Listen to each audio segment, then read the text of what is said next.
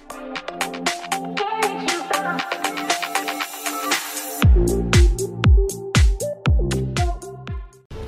semuanya, kembali lagi di kanal DKM. Kali ini bersama saya Laila Landari atau bisa dipanggil Ella.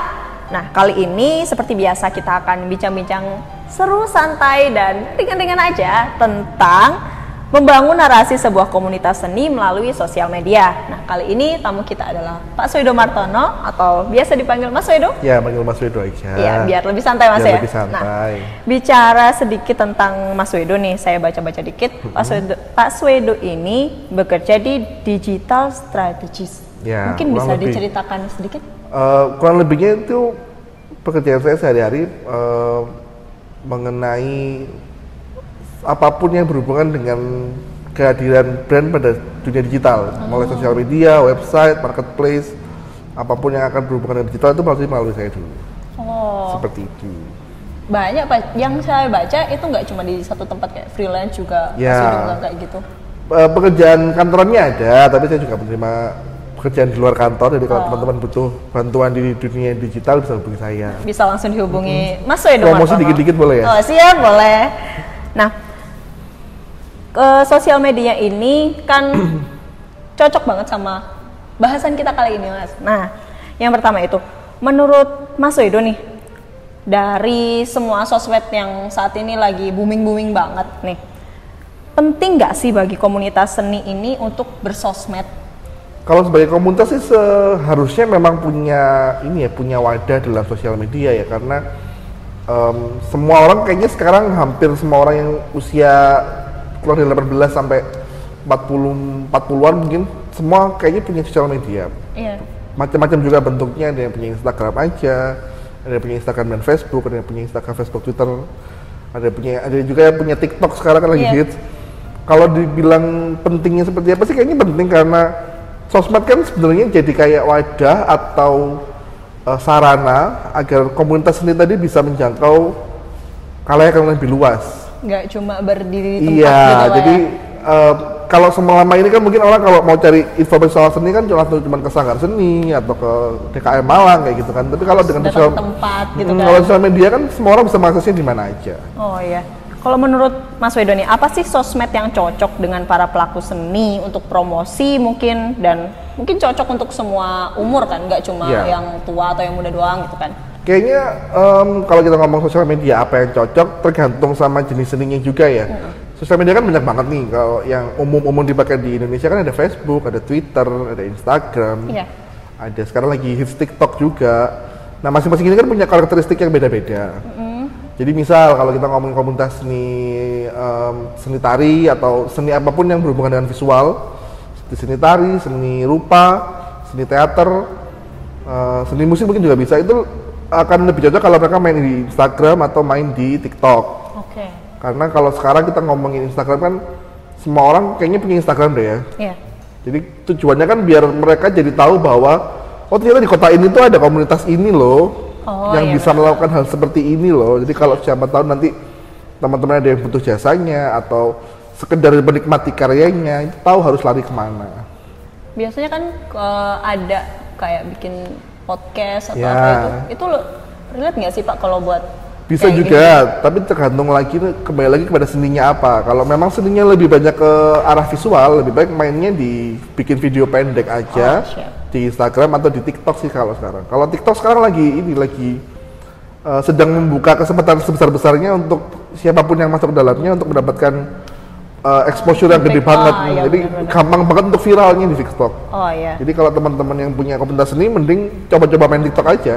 Tapi tergantung konteksnya apa Iya gitu, ya? betul, tergantung konteksnya apa. Kan TikTok juga nggak nggak melulu yang harus joget-joget alay Oh, gitu iya. kan, nggak harus kayak gitu Beda-beda, juga. Iya, ah. kita juga bisa bikin TikTok-TikTok yang eh, bikin cerita pendek pun bisa di TikTok kan. Iya. Jadi eh, tinggal kita mengemasnya gimana agar tetap cocok sama jiwa seninya kita. Oke. Seperti itu sih. Nah, kalau sekarang nih yang booming kan TikTok, ada Instagram, ada segala macam banyak kan Pak. Nah, kalau untuk yang media yang udah padahal kita sering pakai gitu ya, kayak Facebook, Twitter, itu masih relate nggak sih kalau untuk sekarang? Sebenarnya sih kuncinya kalau dari segitu banyaknya eh, sosial media ya kuncinya itu sebenarnya kita harusnya konsisten di satu atau dua aja. Karena kalau kita mengikuti semuanya pasti em, satu capek sendiri Iya. kan, kedua pasti juga butuh tenaga. Yang mana nggak semua orang tuh bisa punya energi untuk terus untuk bikin eh, konten sosmed terus terusan kan susah juga kan. Jadi kalau- Daripada terpecah-pecah Iya. fokus saja gitu Jadi kan. kalau menurut saya sih mendingan fokus di beberapa yang cocok sama kita aja. Jadi misal kalau kita ngomongin seni teater, lebih baik kita fokusnya di Instagram atau di TikTok aja. Oke. Udah di dua itu aja. Jadi bisa mengekspos eh, kelebihan-kelebihan teman-teman. Iya. Bisa mengekspos karya-karya teman-teman itu di dua dua media yang cocok dengan karakteristik visual tadi. dan jangkauannya juga kalau untuk sekarang Iya, ya, karena ya? sebenarnya kalau tujuannya yang bikin sosial media kan agar dilihat banyak orang kan sebenarnya. Jadi seni kita ini bisa jalan ke mana-mana, nggak cuma diem di kamera HP atau diem di sanggar-sanggar seni kita aja. Jadi semua orang yang semua orang yang punya sosial media itu bisa tahu kalau ternyata ada ini ada ini loh yang selama ini mungkin ya kalau kita ngomong di Malang aja lah ya. Iya. Kalau kita ngomong di Malang aja kan pasti banyak orang yang nggak tahu bahkan kalau ada Dewan Kesenian Malang Oh, iya. atau misal bahkan ada seni-seni di bawahnya yang banyak banget itu kan mereka kadang-kadang nggak tahu. iya Kalau mereka masih kuliah mungkin taunya ya UKM seni kayak gitu-gitu. Tapi kalau yang di luar itu kan mereka nggak tahu. Iya. Mungkin kalau di Facebook dan Twitter eh, jangkauannya kurang kadang kurang bisa menjelaskan ya Pak ya. Iya, kalau kita istilahnya. sudah itu kan Twitter kan lebih lebih berat di teks ya. Teks. Jadi untuk membangun wacana sih memang cocok sekali. Cocok Tapi sekali. kalau hubungannya dengan seni-seni yang Visual, bergantung pada ha. visual, lebih baik memang di agak susah juga. agak susah, Ah. betul. Tapi kalau untuk melempar opini atau mengundang diskusi, Twitter sih masih cocok sekali. Oh, oke Kayak oke. gitu oke. sih. Nah, kalau dari sosmednya sendiri, Hmm. menurut Pak Swedo itu, Mas Swedo, maaf, jadi kaku banget Jadi ya, ketua banget ya? Mas Swedo. Untuk Mas Swedo ini apa saja yang apa saja sih yang perlu diperhatikan dalam Oke. bersosmed istilahnya, secara umum? Secara umum ya, yang jelas sih satu harus konsisten. Konsisten dalam artian eh, kebetulan kan saya juga ikut aktif karakter, eh, ikut di teater ruang karakter juga kan. Jadi eh, ya biasanya yang saya lakukan adalah ketika ketika ada teman-teman yang ada ketika teman-teman mau melakukan satu judul pementasan, gitu. Pementasan ya. Sebelum hari H kita harus bikin dulu kayak pemanasannya di di sosial media. Jadi Konten-konten promosi Iya, gitu Pak ya. konten-konten jadi eh, misal nih dua minggu lagi kita mau bikin pertunjukan dengan judul Strong Empire misal. Oke.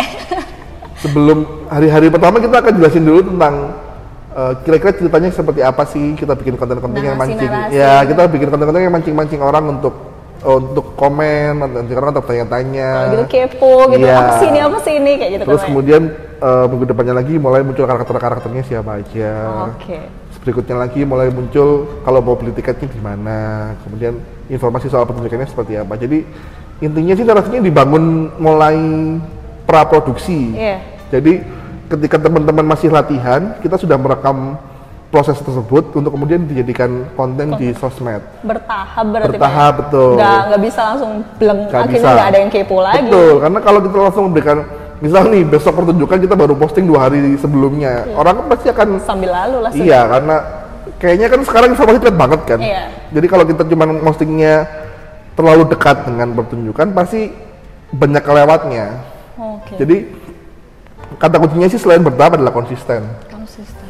Jadi nggak masalah kalau sehari cuma sekali, sehari cuma dua kali itu nggak masalah. Yang penting harus tetap ada, biar tetap orang-orang tuh tetap ingat bahwa oh ada ini nih, ada komunitas ini nih. Berarti penting Pak ya kalau kita mau untuk promosi untuk seni atau yang lain lah itu untuk pra waktunya sama Iya, pasca. betul sekali. Jadi eh, sebenarnya kan kita menceritakan proses yang kita lakukan kan. Nah itu yang membuat orang lebih lebih tertarik, lebih bisa terikat dengan kita itu karena mereka tahu prosesnya. Jadi mereka tahu ketika berlatih seperti apa sih, keseruan ketika berlatih seperti apa. Kemudian mereka jadi tahu ceritanya nanti kira-kira seperti apa. Kemudian ketika pertunjukan mereka tahu tempatnya seperti apa, mereka tahu kemudian eh, pada hari pertunjukan itu ada kejutan-kejutan apa yang kita siapkan. Kemudian setelah acaranya mereka masih ingat nih, oh kesan-kesan apa sih yang dapat sama penonton ketika nonton. Jadi ketika mereka tahu proses tadi tersebut, ketika kita mau bikin acara lagi, itu akan lebih mudah lagi untuk membuat mereka ingat sama kita. Berkesan, Berkesan, istilah betul. berkesan. Jadi em, selain untuk promosi, sebenarnya sosial media itu sebenarnya juga alat yang tepat untuk merekam perjalanan seninya komunitas-komunitas tadi sih. Jadi kita jadi tahu nih ketika kita posting dua tahun lalu kita lagi bikin apa ya. Iya iya iya iya. iya. Atau bulan lalu kita bikin apa ya? Jadi itu bisa di di di, di track ke bawah gitu loh. Jadi nggak cuma berhenti di satu betul. proyek aja. iya jadi bisa jadi legacy kemudian. Jadi orang-orang yang tanya oh komunitasmu sudah pernah bikin apa? Oh kita bisa tunjukin nih. Iya. pengetahuan Portofolio. kita nah jadi bukan cuma untuk promosi aja tapi juga bisa untuk jadi portofolio tadi sebenarnya. Soalnya kalau berhenti di situ nggak ada kelanjutan, pasti untuk project selanjutnya susah lagi cari. Iya, karena kan em, semua orang yang mencintai seni itu kan pasti juga mencintai prosesnya kan dalam Ah, artian nggak mungkin mereka cuma taunya jadi das bagus gitu doang kan. Mereka juga mau tahu nih ada apa cerita yang dibalik itu. Misal kayak kita ngomongin lukisan aja mereka pasti pengen tahu dong ini maksudnya kenapa kok dibikin seperti Ah, ini? iya, iya. kenapa kok warnanya ini? Nah itu yang lebih bisa membuat mereka tertarik untuk mengetahui tentang karya seni. Gitu sih kalau menurut saya. Oke oke oke. jadi nggak melulu soal promosi yang bisnis atau apa enggak juga sebenarnya lebih lebih ke pengarsipan karyanya Ah, masing-masing aja. Dari nggak cuma waktu itunya, tapi juga waktu prosesnya juga. Karena yang mahal kan proses kan, hasil itu kan Iya. mengikuti proses. Siap siap siap.